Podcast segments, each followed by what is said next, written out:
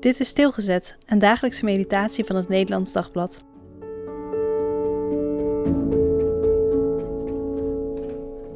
Fundament. Efeziërs 2, vers 20.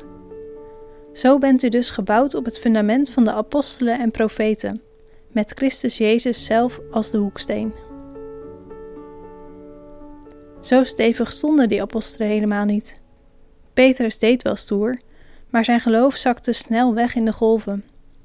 Johannes heeft het vaak over liefde. Maar hoe liefdevol was het dat hij Gods bliksem wilde afroepen over een Samaritaans dorp? En Thomas zei ook: eerst zien, dan geloven. Toch gebruikte God deze mannen om een fundament te leggen onder de gemeente. Dat fundament is kennelijk de boodschap die ze moesten overbrengen.